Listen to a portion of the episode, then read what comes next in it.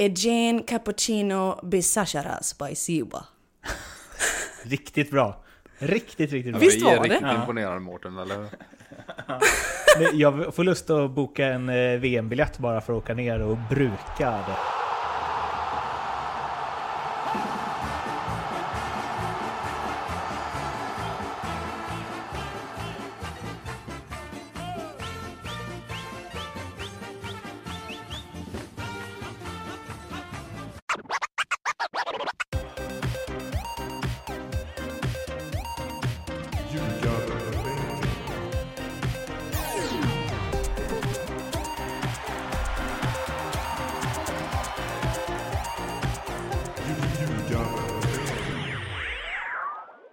Ljugarbänkens VM-special är här igen. Vi kör ju varje dag nu. Det har varit mycket resa till Helsingborg för mig. Eh, varit mycket på hemmaplan för dig Erik. Eh, och nu har jag rest till Göteborg. Du är med på Skype.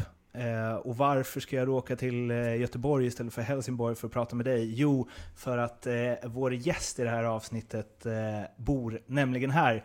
Sitter i ditt sovrum, Olivia Skog. Så det är väl du som ska säga välkommen till mig, antar jag? Ja, det är väl det just nu. Eh, så välkomna ska ni vara. Ja, tack, Tackar. så mycket. Det är otroligt varmt. Ja, du Jag svettas. tycker det. eh, hur är vädret hos dig, Erik? Det är kallt och behagligt här nere i min källare. Jag sitter här instängd eh, i ja, sovrummet där nere. Ja. Vad skönt för dig. Ja, det- Olivia, du eh, har precis kommit hem från Ukraina. ja. Eh, jag vet inte hur mycket du vill prata om det, men eh, om du vill får du säga något om det. Det är klart vi kan prata om det. VM-kval är ju, är ju intressant. Ehm, vi hade en väldigt bra match mot Kroatien hemma här på Gamla Ullevi. eh, som vi vann ganska enkelt. Men sen så åkte vi till Ukraina och då blev det genast svårare. Lite svårare än vad vi kanske hade trott. Eller vi visste att de var bra men vi trodde ju ändå att vi skulle kunna kontrollera den matchen bättre än vad vi gjorde. Hur är du eh, när eh, resultaten går emot? Liksom sen, efter matchen. Efter matchen mår jag inte bra. Mm. Jag, jag önskar att jag var lite så som många kan vara. Att man bara liksom skiter i, i det och liksom bara glömmer allting. Men jag analyserar ju mig själv framförallt väldigt mycket. Jag spelade bara typ 10 minuter den matchen men ändå kände jag typ Gud, vad kunde jag ha gjort annorlunda? Är det på grund av mig vi har förlorat? Lite så. Eh, så jag mår inte bra och det kan ta två dagar innan det går över. Den, den sena, det, det var uppskjutna matchtiden där, var det någonting som ni kände att det störde lite grann nu om man tittar efterhand? Kanske att det var det. Jag, jag hoppas ju och tror att vi, vi är eh, så pass professionella så det inte ska störa oss. Men det är klart att eh, vi var ute och värmde upp och, um, och sen helt plötsligt skulle vi gå in och, och liksom bli kalla igen. Fick vänta i omklädningsrummet i, i typ 40 minuter till. Och sen bara ut och värma upp och köra igång. Så det, vi kanske inte var helt vakna till en början. Eh, ja, vi vaknade väl inte på hela matchen egentligen så... eh, ja, nej men jag vill inte skylla på det. Alltså, vi gjorde en dålig prestation, så var det bara. För att det är lika för bägge lagen ju. Precis, bara det att Ukraina gick inte ut och värmde upp. Nej, de gjorde inte det. Nej, de, var, de visste väl om att eh, de kanske inte berättade för oss. De kanske körde en fuling där. För de hade ju, de hade ju en gameplan, de körde stenhårt på den. Det var att eh, göra ett tidigt mål och sen filma och eh, slösa på tid resten av matchen.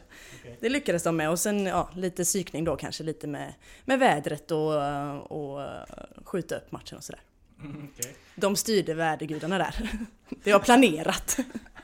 Alltså, eh, anar en eh, vinnarskalle slash dålig förlorare. Får man ändå säga. Ja. Ja.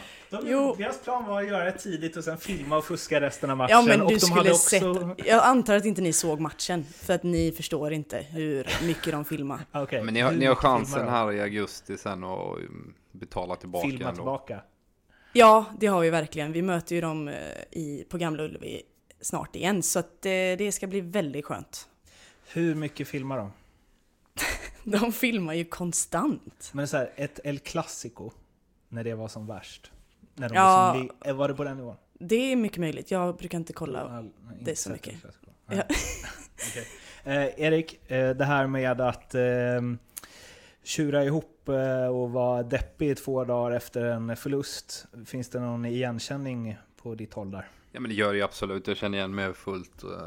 Ja till 100% där. Men jag också, så man, man analyserar sig själv väldigt mycket i det. Alltså även om elitfotboll är en lagsport eller man, alla andra tror att det är en lagsport så blir man väldigt individualiserad och, och eh, väldigt noggrann med vad man själv gör och sådär också. Så att man, man eh, ja, jag brukar ofta gå till mig själv eller gick till mig själv där också. Man var väldigt besviken efter förluster. Man kunde gjort något annorlunda men det ja, det, det här att älta och, och liksom tänka för mycket också. Det är ju sällan någonting som, som leder någon vart. Utan ja, försöka ta med sig bitar men, men eh, ändå gå vidare ganska snabbt.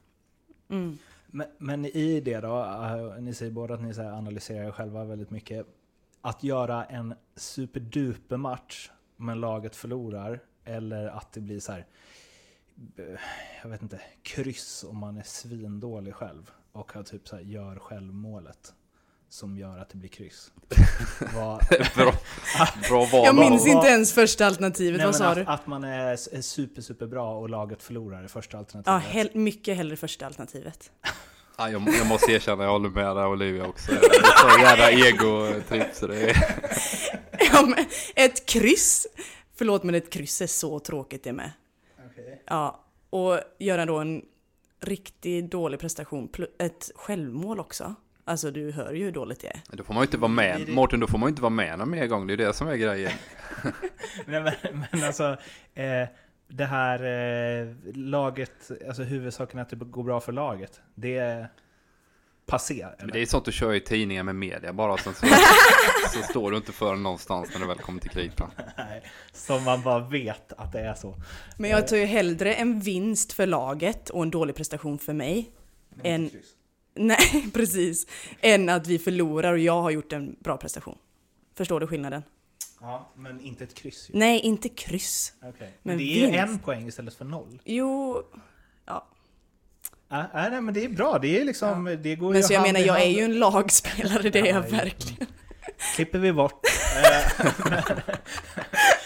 Men eh, det, för det är ju någonstans, eh, går ju hand i hand med den moderna fotbollen. Det är liksom pengar och man ska synas och det är coola frisyrer och hej och hå. Eh, Och sen så är det viktigt att det går bra för en själv. Är det så?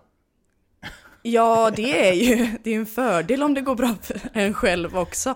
Men givetvis går ju laget först. Mm. Så en vinst för laget, det är viktigast. Men inte Ingen ett kryss. Nu går vi vidare. Ja, går vi vidare. Bra start. Vi ska snacka VM förstås, men först så ska vi eh, prata lite om eh, vad du har haft för dig. Såg inte jättemånga matcher med dig, eh, varken i Tyskland eller Ryssland. Men det ser väldigt spännande ut när man ser att du har varit där. Så du får gärna ta oss igenom det äventyret. Och jag frågade ju förut off-podd och då börjar du svara och sen stannar du upp och bara äh, jag tar det i podden sen istället ja, jag har dratt den historien några gånger. Ehm, men ja, det var väl inte riktigt så som jag hade planerat att det skulle vara. Um, åkte till Tyskland och tänkte väl att nu jäklar ska min karriär ta fart. Eh, och hoppa in i den försäsongen då. Eh, och fick en eh, chock. Eh, aldrig tränat så mycket och aldrig tränat på så många olika underlag och så många pass om dagen. Så att min kropp eh, sa ju stopp ganska fort. Jag fick eh, en knäskada för, eftersom vi bytte underlag så mycket och det insåg jag att det var inte bra för min kropp. Så eh, vi sprang intervaller och allting på asfalt ute i parken typ. Konstigt. Men alltså först typ två timmar styrka och sen en timmes intervaller på asfalt. Alltså, det låter som när man var liten. Ja, jag vet. Det, var, det, det kän, alltså Tyskland är ju lite omodernt. Sorry alla tyskar som lyssnar. Men det tyckte jag var så jäkla konstigt. Och eh, det tyckte min kropp också. Så att jag fick ont i knät och eh, kunde inte riktigt spela där på ja, många veckor. Jag minns inte hur länge men. Men så lyckades jag ju ta mig tillbaka. Eh, och eh, när jag väl var tillbaka så fick jag en halsinfektion. En böld liksom i halsen som vägrade försvinna. Så jag var sjuk i en månad också. Så det var liksom inte superenkelt att ta sig in i laget efter de två händelserna. Kan man där säga så här, alltså, eh, nu fick jag ont i knät för att ni springer på asfalt? Nej, jag Fattar. vågade inte säga någonting. Okej. Det var extremt. Jag hade ont i låret en gång Mm. också, efter knäskadan. Och liksom, det var ju bara att köra. Alltså jag hade liksom nästan bristning, känns, känning i låret. Men de vill väl att du ska vara hel? Kan man, eller, fast Ja, man de vill- ju det men samtidigt så ska man inte vara en mes. Ja, det där är ju eh, så Fattar du vad jag snackar om Erik? Ja, nej men det är klart att eh, alltså när du kommer som utlänning där också så är det klart att det ställs Mm. extra höga krav på en. Och, du är svensk landslagsspelare och kanske att man förväntar sig att att, att man ska, jag vet inte hur statusen var, men när man drabbas av olika skador och sånt, det är ju jäkligt viktigt att man har en dialog med, med team där runt och en förståelse för att man kommer, precis som du Mm. säger, man kommer från olika förutsättningar, man är van vid andra sätt att träna och det är klart att det, det är jättevanligt det där kring, kring när man byter tränare också, även i svenska lag, att helt plötsligt, även om det är bra träning så drar man på sig mer skador. och Det här att man löper på, ja, i parken och asfalt, det är ju, låter ju hemskt faktiskt, måste jag säga. Alltså, jag, kommer, ihåg- jag spelade ju på grus när jag var liten. Då kommer jag ihåg att vi sprang liksom milen i sådana grusskor. Mm. Det kan inte vara bra för knäna. Och sen ut och fotboll liksom. Eh, Men jag antar att ni hade löparskor i alla fall. Ja, det hade vi. Nej men det var ju liksom inte bara jag som fick problem. Men, men vad är det med det och så här eh, elitidrott? För att alltså, det har man ju hört hur många gånger som helst. Här, när, när det känns som att träning, mm, jag vet inte, framförallt mm, kanske ännu mer förr, men att fortfarande lever, kvar i vissa länder. Att här, träning ska vara, alltså man ska inte bang, det handlar liksom inte om vad som är bäst för ens kropp, utan det handlar om att man ska träna och inte vika ner sig. Vilket ju är liksom stenålders Ja, tänk ju. ja det, det Men- tyckte jag också. Men det tror, jag tror faktiskt att eh, i Sverige, många tränare de är lite moderna, du har haft Viktor och, och, och Alltså man, man, man jobbar hårdare idag med att, att det ska li, träningen måste likna det som händer och sker på en match och springa ut Mm. och, och springa på en asfalt eller träna i parken och sånt. Jag menar, det, det påminner inte så mycket av det som, som faktiskt händer i en match och då, då tappar man ju hela alltså, så här, syftet med träningen och den blir ju Mm. inte produktiv heller. Det måste finnas igenkänning med det som sker på match i träning och det tror jag att väldigt många duktiga tränare idag har fattat i Sverige på ett annat sätt än det kanske är, Mm. är utomlands också. Sådär. Eh, Aerobics blev väl väldigt populärt ett tag där, har för mig. Ish. Eller? Jag tyckte, eller det kanske var mest i hockeyn. Det var så här, eh, Sportspegeln-reportage om hockeylag som testade nya grejer istället för att bara köra så här benböj och sånt. Eh, Men det kanske, det kanske aldrig var i, eller det kanske inte kommit till fotbollen. Jag har inte hört talas om det. Nej men Mårten, du har, ju, du har ju det med Djurgården när de vann där med Kim, eh, alltså tidigt eh, 00-tal där, liksom. Då eh, var det ju styrketräning, stenhård styrketräning och då, då helt plötsligt tar ju alla efter det där bara för att de börjar vinna fotbollsmatcher. Men eh, nah, jag vill ju hävda att har man Johan Elmander, eh, Kim Källström, Isaksson, Dorsin, Stefan Rehn var ju rätt skaplig på den tiden också så, så fan har de kunnat spela rumpingis hela veckan och har ändå förmodligen Mm. kunnat vinna en del fotbollsmatcher. Jävligt jobbigt att spela rundpingis i och för sig. Gudarna veta. Eh, Men eh, efter uh, Bayern så blev det... Ja, men jag kan ju avsluta med att säga att, eh, att jag då aldrig riktigt eh, kunde visa upp mig. Och eh, jag hade då en klausul efter sex månader. Okej. Som gjorde att både jag kunde välja att gå och de kunde välja att sparka mig. Och det gjorde de. Så då var det ju bara att packa sina väskor och dra ifrån München. Och det gjorde jag gladeligen. Okej. Eh, ja, nej, men Han jag du med och var med på Oktoberfest eller missade du den också? Eh, vi hade nog eh, någon träning då. ja men det är klart att vi inte ska få Nej, det festa. låter som världens sämsta tränare, det förstår jag. Att du Ja, nej men han, var- han var eh, alltså jätteung. Jag tror han var kanske bara 27 eller någonting. Men extremt konservativ i allt. I allt han tänkte och så. Så eh, det var ingen, blev ingen fest där inte. Eh, ja, nej men så det var väl ingen jättehit för mig i München så att säga. Men eh, såklart en jätte häftig upplevelse. Ja men bara vara en del av den klubben var ju häftigt. Eh, Om du funderar så mycket när du förlorar, hur mycket funderar du när, här, när du blir skadad och när det är kämpigt och när ni måste springa intervaller på asfalt och sånt? nej jag funderade extremt mycket. Jag mådde väldigt, väldigt dåligt. Och det, det har jag ju förstått i efterhand att det var ju därför jag blev så sjuk också. För att mår jag dåligt och fotbollen går dåligt då blir jag sjuk också. Nej, så det var, det var väldigt skönt och bra för mig att komma till Ryssland faktiskt. Det kanske det låter överraskande men Mm. så var det. Ehm, Det är en mening man inte hört folk säga jätteofta. nej, Det var precis. väldigt skönt och bra för mig att komma till Ryssland. Ja, eh, precis. Men det var så, för där fick jag spela fotboll varje dag och eh, fick massa matchtid och, och sådär. Och var frisk och kry och mådde bra. Mm. Så det var bra i Ryssland. Mm. Eh, eh, Hur, förutom att det var bra, är det så här, hur var det? Alltså Ja. hur är Ryssland? Nej, det är ju såklart ett väldigt eh, speciellt land. Det är inte jättemånga glada människor där. Sen att jag inte kunde prata med folket, det gör ju inte det enklare för dem att... Eh, alltså, de kan ju liksom inte riktigt visa sin personlighet. Och De kanske var superglada allihopa. det, de kanske var det, men de kunde inte säga det. Men eh, de kunde inte ge mig något leende heller, så att... Jag menar, det brukar ju komma ganska naturligt om man är glad. Ja. Ett leende. Ja. Men det fick jag inte. Nej. Hade du, eh, hurdan spridning var det på nationaliteterna bland lagkamraterna? Det var... Ja, det var jag, en portugisiska och en eh, sydkoreanska. Mm. Annars var det ryssar. Kanske någon ukrainska. Och portugisiskan, det var liksom ingen engelska? Nej, Lite lätt. lite lätt. Ja. Okej. Hade du, Sydkoreanskan hade... Hon kunde varken engelska eller ryska. Så det, hon hade ju en sydkoreansk ko- tolk. Som kunde halvknackig ryska. Som skulle då översätta och det blev så konstigt varje gång. Och jag Ja. hade ju också en tolk som sprang efter mig på träningarna. För att översätta. Va? Ja, hon var med mig på planen. Så det var ju lite... pratade hon bra Hon pratade Svenska. bra engelska. engelska Ja, och ryska? Eller Ja. det vet du inte. nej.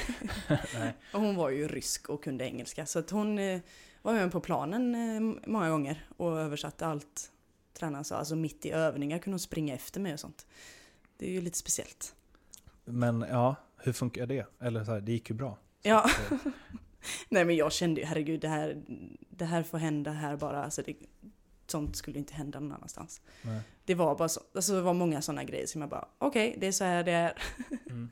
Var, var det mycket egen tid?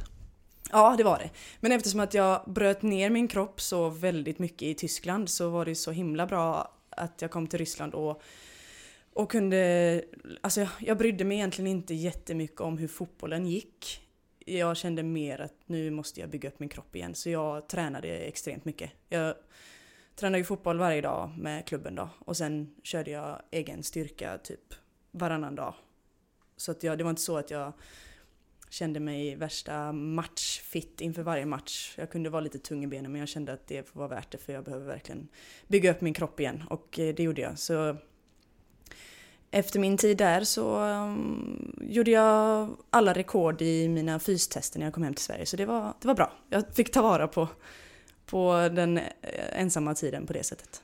Olivia, om du, om du jämför eh, ryska ligan och kanske även tyska och sen sätter det i perspektiv med, med damallsvenskan. vad skulle du, hur skulle du ranka de tre ligorna där? Ehm, tyska snäppet bättre än eh, svenska. Och ryska väldigt mycket sämre än svenska. Okej. Eh, är engelska Stämmer ligan, är, det, är den, den bästa ligan i, i nu för tiden, det är, det är Frankrike kanske och tyska ligan skulle man säga eller? Ja, alltså jag, tyska ligan är ju den bästa tycker jag för att den är så jämn. Franska har ju egentligen bara tre lag som är bra. Sen är ju resten lag som Lyon vinner med 5-0 mot. Liksom. Men det ryska var mycket sämre sa du? Ja, Har Wikipedia fel i antalet mål du gjorde där? jag var ju inner mitt där vet du. Men jag tänker om det var så mycket sämre. De bara dribbla Ja, alla. du, att jag inte gjorde några mål eller? Var det det du menar? Men jag var inte toppforward om jag nu ska kunna ursäkta mig. otroligt mycket sämre. Mm. Nej, alltså det är, inte, ingen jättedålig liga men väldigt mycket sämre än svenska. Eh, finns, är det också svaret på varför du inte blev kvar? Ja. Okej. Eh, nej men alltså jag hade ju inga framtidsplaner där alls. Det var liksom en, en eh, bra lösning eftersom att det inte fanns några klubbar som kunde ta emot mig efter Tyskland. För jag kom där mitt i sommaren och alla hade liksom satt sina trupper. Eh, och det var ju eh, också då, om jag inte minns fel, som Tyresö konka. Så de spelarna var tvungna att delas in i lag, så det var ju liksom inga lag som hade plats för mig. Plus att jag inte var jätte eh, prioriterad just då, för att det hade ju inte gått så bra. Eh, men eh, ja, efter Ryssland så kom jag hem och var stark både fysiskt och psykiskt och fick en plats i Eskilstuna och eh, där gjorde jag ju min bästa säsong någonsin. Hur känner du kring så här, eftersom München blev inte så bra, Ryssland eh, blev bra men ändå så här att du inte ville hänga med där. Mm. Eh, hur tänker du kring så här, utlandet igen? Alltså jag nu faktiskt den senaste tiden så har jag ändå tänkt att, att nu eh, skulle jag vara väldigt mycket mer redo för utlandet. Så eh, skulle något sånt dyka upp så skulle jag nog verkligen kunna tänka mig det. Men eh, inte Tyskland igen, det orkar jag inte. Montpellier där nere med kusten och varmt och skönt. Det passat ja, okej? men Eller? Kanske där Du i har- Frankrike. Jag har en del att lära av Erik där. Han valde ju bara klubbar på Ja. hur härligt det var Du menar av. Wigan och hela sen det bara blåser och det, är, det är sådana up and coming ställen ju. du var där först. Eh, Men ehm, vad är det viktigaste då? Som du, är så här, du, är- du är mer redo nu. Vad är det viktigaste som du vet nu som du inte visste då? När man kommer till ett främmande land och ska spela fotboll. Ja, det viktigaste. Alltså, den största anledningen, inte, nej det var kanske inte den största anledningen, men jag var ju ung och, och oerfaren liksom när jag kom ut där och, och visste väl inte riktigt vad jag sk- skulle ge mig in på. Eh, så det är, ju, det är ju den erfarenheten jag har nu som jag skulle ta med mig ut i, i Europa igen då. Så att det skulle ju hjälpa mig extremt mycket. Alltså bara bara det att kunna ta hand om, om sig själv, det var, ju, det var ju en stor grej bara att komma utomlands liksom helt själv. Och, så den omställningen var ju såklart eh, jobbig, men den skulle jag ju klara mycket bättre nu. Kan du någon ryska? Jag kan beställa kaffe. Ja, låt höra. Okej, nu säger jag en, en cappuccino utan socker, för man måste säga utan socker för annars får man hur mycket socker som helst i Ryssland. Okej. Eugene cappuccino bisashara spiciba. Riktigt bra. Riktigt, riktigt bra. Visst var det? riktigt Ja. imponerade Mårten, eller hur? Jag får lust att boka en eh, VM-biljett bara för att åka ner och bruka det. Ska eh, lyssna på det några gånger. Ja, Nej, Nej men jag har många fina minnen från Ryssland. Mm. Fina och fi- många roliga historier. Det var mycket vitaminer i, i sprutor och sånt som de ville trycka in i kroppen. Okej, I rumpan gärna. okej. Berätta mer. Nej men så fort jag hade minsta lilla, bara lite, bara lite så här eh, tung i, i vaden typ. Ja, vitamin, vitamin, injection, injection. Och då, alltså jag tog ju aldrig några sprutor för att jag visste ju att det kan jag absolut inte ta. Men då, jag gjorde ju det på alla. Gick man bara in till läkaren där och ner med byxorna och så tryckte han dit en liten spruta. Så var man klar. Eh, nu känner jag också att jag vill Erik, är det något du känner igen? Nej, jag har ingen, jag har fått en annan spruta i häcken, det har jag absolut. Men de har i alla fall sagt till mig att det var influensa, influensavirus som vi kämpar mot. Ja. Att, eh, jag vet inte, det där med vitamininjektion känns Nej. Nej. tveksamt. Det var, det var något bra beslut Olivia, jag har inte gått med på det där alltså. Ja, det kändes inte aktuellt. Det finns ju sådana brustabletter liksom. Jag vet inte. Men eh, vadå, om alla tog det? Vad, frågade du vad de fick för feeling när de tog det då? Blev de friska? Eller? Ja, de kunde ju spela. Men det hade de ju kunnat utan den också, garanterat. Mm. Det var bara någon grej de gjorde där. Blev du inte lite nyfiken ändå? Eller? Nej, det kan jag säga att det blev jag inte. Jag var väldigt tydlig med att jag inte ville ha den sprutan, även om de erbjöd mig nästan varje dag. Men o- sen också innan match så kom de med sånt här man skulle andas in. Något så här jättestarkt man skulle andas in. Vet ni vad jag pratar om? Det som boxare gör? Såna Ja! som man Ja! vaknar till av. Vad heter det? Man sniffar ju på det, eller hur? Ja! Ja. Och det är så jävla starkt. Jag tog inte det. bara. Jag tog inte det heller. Nej. Men våran sydkoreanska, hon fattade ju inte vad det var. Så hon andades ju in jättemycket. Ja. Så hon, och hon förstod, ja herregud, hon blev ju helt, Knäpp i huvudet. ja ja, hon kunde ju inte knappt spela Nej. efter det. De kom med den på line-upen. Ja. Alltså precis innan match. Det kanske inte heller är jättesmart men Nej men det är väl, eh, nu åter, för att göra en koppling till hockey, men hockeyspelare gör ju det. De Ja. sniffar ju sånt innan de, för att man blir lite så här Ja. uppumpad och pepp. Liksom, då kanske det är mer normalt än vad jag tänkte att det var. Ja, det låter ju... Eh, Mm. Låter ju spännande ändå. Ja, Har du något mer på raken? när du ändå- vad, vad, vad erbjöds ni mer? ja, Piller? eh, ja det är säkert. Det var ju, vi hade läkarundersökning varje dag. Man Mm. fick gå in till läkaren varje dag. Okej. Och vägas och blodtryck och hela den biten. Och sen ja, hade man något problem så var det väl spruta. Men eh, som sagt, jag tog inget och det är jag väldigt glad över. Det känns ju som att eh, Rosianka, som Mm. man sa, Det gör man. borde på något sätt ha någon liksom collaboration med Bayern München. Eh, Det känns som att det hade, liksom, de hade gift sig bra. Ja, några som helt men skiter i ändå. om man blir skadad och några som man har läkarbesök varje dag. Ja, precis. Och, och på tal om det då, så måste du berätta det som du berättade förut eh, om eh, din enda kompis i Ryssland. Ja. Min massör. Ja, Ja. Som nu är... ja, precis. Han har ju blivit läkare nu på de senaste månaderna. Var en snabb... eh, Det är sådana, vad heter de? KI? Så yrkesutbildningar precis. som går fort. Ja, nej, här i Sverige kämpar de sig igenom tio års utbildning, men Ja. han köpte sitt diplom. Och, Ja. så nu har han det bra i Ryssland. Mårten, Nej, det är men det är kanske så- någonting för oss. Det låter ju grymt för fan. Hjärnkirurgar om ett halvår. Nej, men ja, det var mycket sånt som hände som man inte riktigt kunde förstå. Jag har nog aldrig varit så sugen på att åka till Ryssland som efter att ha hört dig berätta om det här. Det låter, det låter som att det finns något där, man vet inte riktigt vad, men någonting att Ja. söka reda på. Det kanske blir en eh, ljugarbänken on tour i Ryssland framöver. Men eh, hur mycket som inte var Moskva såg du? Eller är det bara liksom match tillbaka? Eh, inte jättemycket, men vi åkte ju... Alltså trafiken är ju fruktansvärd i Moskva. Så vi tog bussen till flygplatsen och det var ju inte ens en lång resa men den tog tre timmar till flygplatsen och sen skulle vi flyga inrikes kanske i två timmar och då kom vi till typ Sibirien och det var, ja, det var så kallt. Det var så kallt. Och jag visste inte vart vi skulle för det var ingen som berättade för mig såklart. Så jag hade ju inte ens med mig vantar eller underställ eller någonting. Jag spelade med t-shirt.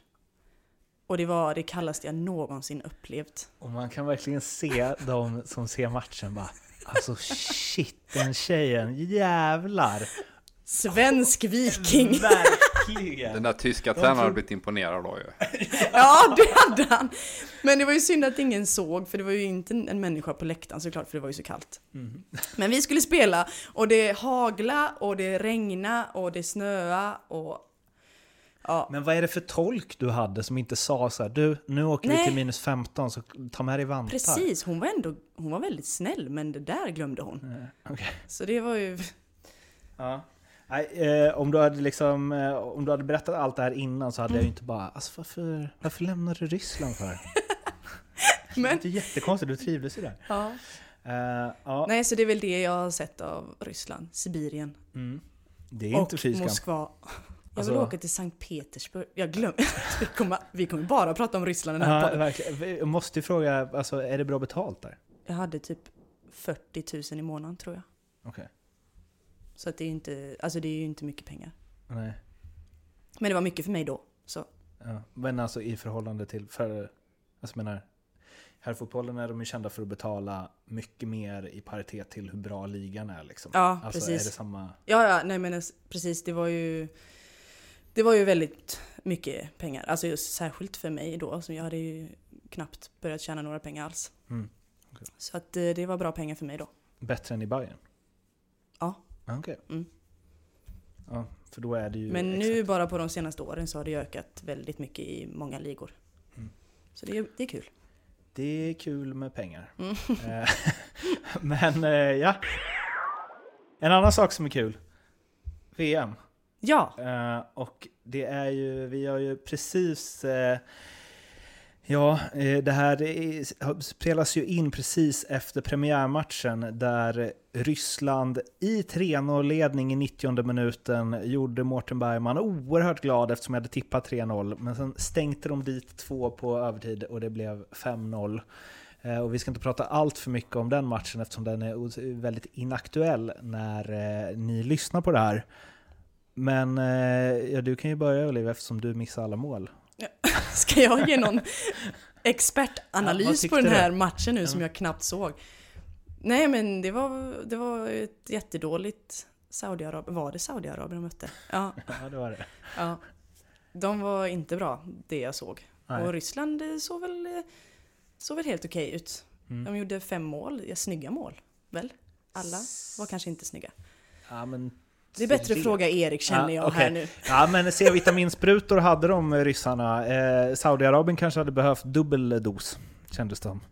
Ja, definitivt. Jag vet inte vad de skulle ta för någonting för att fixa till det där, för de var bedrövliga. Jag kollade lite på Twitter, det bara haglar in hån här på, på Saudiarabien och uppgjort och riggat och allt möjligt. Men eh, ryssarna har ju haft problem innan, de har ju varit eh, lite nederlagstippade och en del skador och sådär. Men eh, så väl, det är en perfekt match att få eh, som, som premiär och liksom bygga självförtroende och sådär. Men eh, eh ingen riktig värdemätare att kunna dra några växlar på. Men fina mål var det absolut. Ja, men för det där är lite klurigt, speciellt eh, 2-0 målet är det väl när han chippar den över benet. Och sen dunkar upp den i taket. Alltså när man ser det, när de visar det ovanifrån. Så, för målet är ju snyggt. Eh, för att det är en fin, liksom, man ser inte så ofta någon så här lättare än över benet på det där sättet. Men försvarsspelet är ju så dåligt så till och med jag som inte är någon liksom eh, super, eh, vad säger man, inte jättebra på att analysera det taktiska. Alltså, det såg ut som när man lirar sjumanna liksom. De bara springer åt alla möjliga håll. Ja, Och det- alltså, ingen känns att den försvarsspelet var en grej. Sen när de väl själva hade bollen, då tänkte man ändå att nej, men det är ju ändå hyfsad teknik på de här. Men de slog ju fruktansvärt mycket felpassningar och det blir omställningar emot hela tiden. Så att eh, eh, de hade egentligen ingenting på, på något plan, varken eh, anfallsspel eller försvarsspel eller, eller någonting. Och när de väl försökte anfalla så gick det för långsamt och omständigt och nej, de var fruktansvärt dåliga. Men jag sa det till Mårten, vilka har de ens kvalat mot? För att komma till VM? Om de är så dåliga? Och det sa jag, då sa jag ingen aning. Ja. Östtimor eh, bland annat. Alltså till och med Lindström hade förmodligen kunnat gå in och hänga fyra mot dem. vad hette de sa du? Öst? Östtimor, Timor. var det ligger? Jag tänker att det ligger någonstans i Nepal eller någonting. Och det var någon bra gissning på det. Jaha. Alltså, Östtimor. Det känner jag direkt eh, kvalificerar ju in till någon så här framtida VM-quiz. Så här, är det ett land? Frågetecken. Ja. Eh, men ehm, ja, nej, det blir väl, det var ju som en eh, kompis twittrade att Mohamed Salah kommer göra 12 mål mot Saudiarabien och det ligger väl någonting i det. Men vi ska inte fastna där som sagt, utan vi har ju en ja, enkät kan vi väl kalla det som vi kör med alla våra gäster. Och ska göra det med dig också. Och den första frågan är vilket som är ditt första, liksom de första fragmenten av ett eh, VM-slutspel? I ditt minne. Eh, tydligaste minnet för mig och som har betytt väldigt mycket för mig också är VM 2003 för damer. I USA tror jag de var. Det var ju nyss på tv. Eh, bragden vis, visade de ju där och det var verkligen en, en bragd och jäklar vad, vad det har, alltså den har verkligen betytt mycket för mig kände jag när jag såg det igen. Jag bara åh, det väcktes mycket minnen. Jag minns så väl, vi var uppe, ja matchen, jag tror semifinalen mot Kanada, så sändes den klockan fyra på morgonen. Och mamma kom in och väckte mig och min eh, stora syster Lovisa. Eh, och så gick vi upp och, och kollade på den matchen och min faster hon kom från grannbyn och hade poppat popcorn. kom med färdigpoppade popcorn till oss där klockan fyra på morgonen och så tittade vi på Sverige-Kanada och fick se Josefin Öqvist eh, göra det där stolpe in målet som tog dem till final. Det är ett väldigt fint VM-minne jag har. Eh, något sånt här herr-VM-minne har jag väl egentligen inte sådär jättestarkt.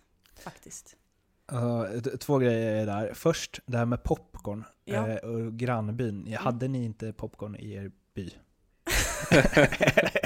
Eller liksom... Hon hade ju en popcornmaskin, Mårten, fattar du? Så då blir det sådana biopopcorn som är så jävla goda. Det fattar du väl Mårten? Ja, det fattar jag ju. Nej, jag, jag bodde ju inte ens i en by. Jag bodde ju utanför byn. Okej. Jag bodde ju utanför Drängsred som är... Och sen så kom hon med popcorn och bara wow, Ja, vad är det nej, men- här?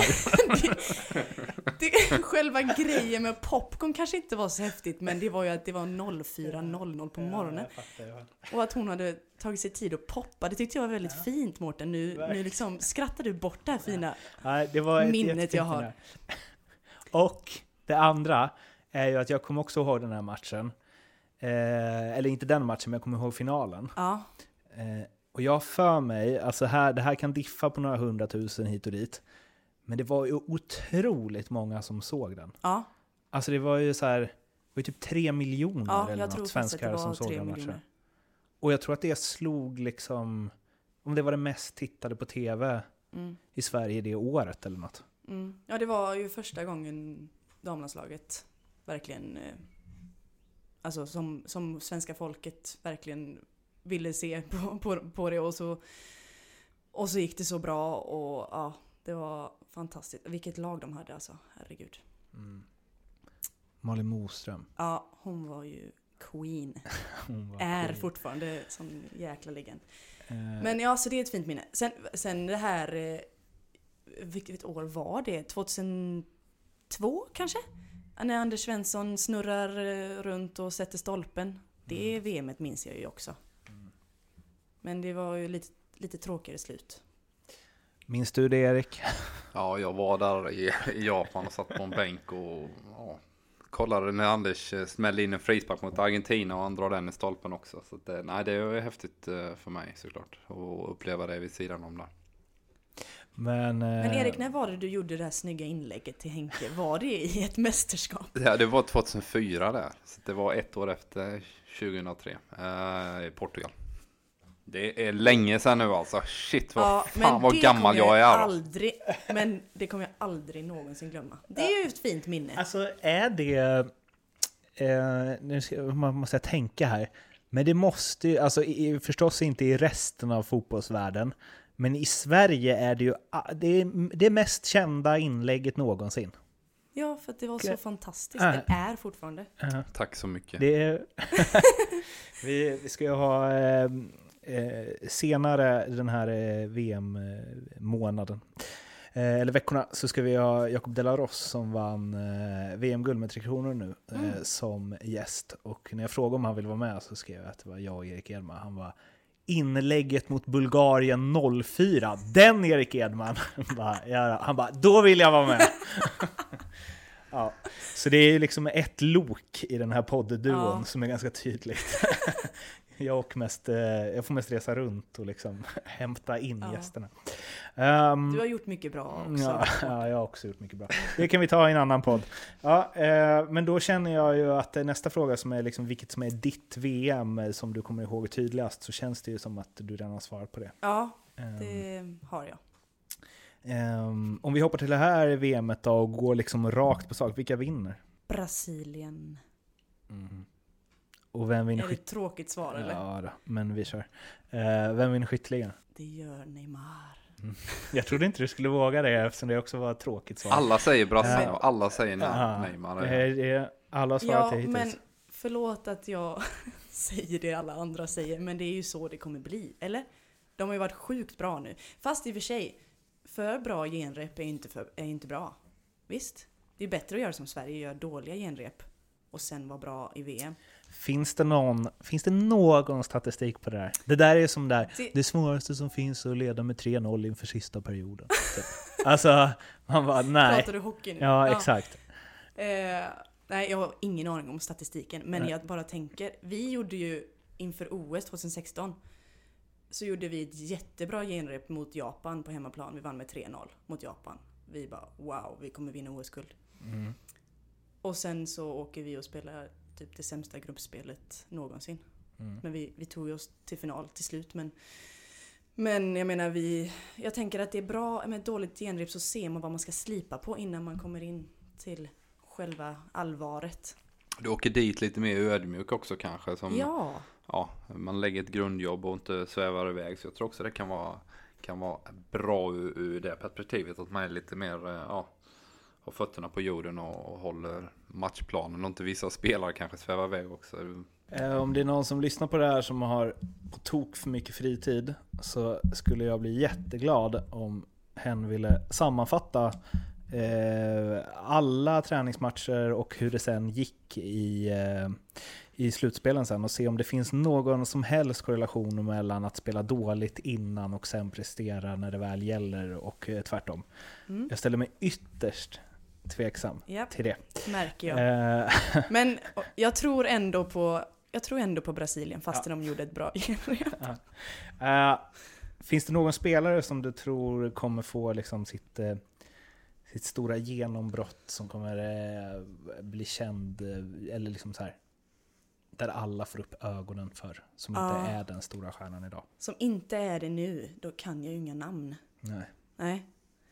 Men nå- någon som bara, eller bara och bara, men någon som kanske inte lyckats i, i mästerskap så. Jag vet inte, detta kanske är hans första. Dybala i Argentina. Han gillar jag. Mm. Är detta hans första mästerskap? Det måste det ju vara. Eh, eller så här, ja, I så fall säger jag det är honom. definitivt hans första VM. Då säger jag Dybala. Fi- Yes. fi- Ja, men bara dra det till eh, damfotbollen. Eh, Finns det någon jättespännande spelare internationellt eller i Sverige kanske som också eh, i nästa VM kommer, kommer blomma upp och som kommer bli en superstjärna som du tror? Hmm.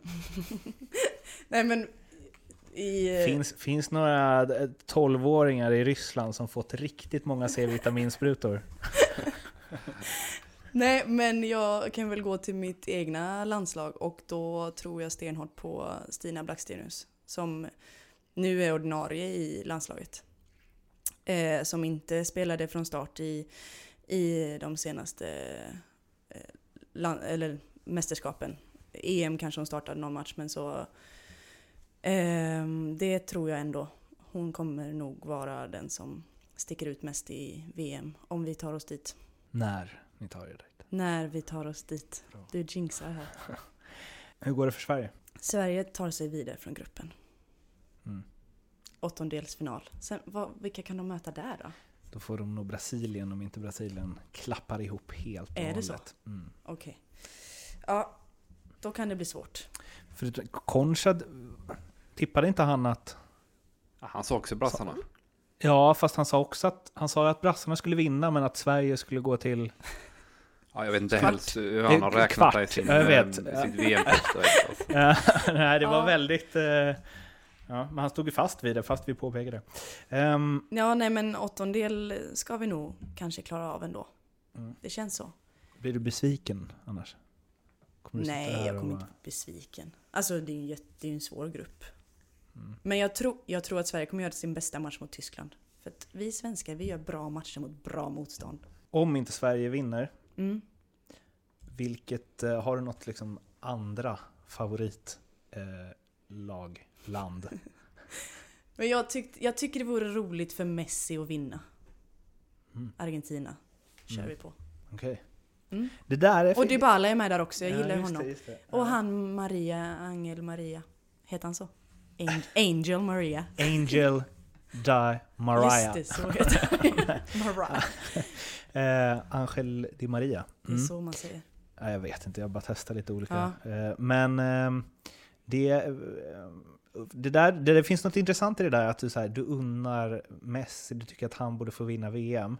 En som har vunnit allt, allt, allt, allt man kan tänka sig som är Fast liksom, han har ju aldrig vunnit något med sitt la- land.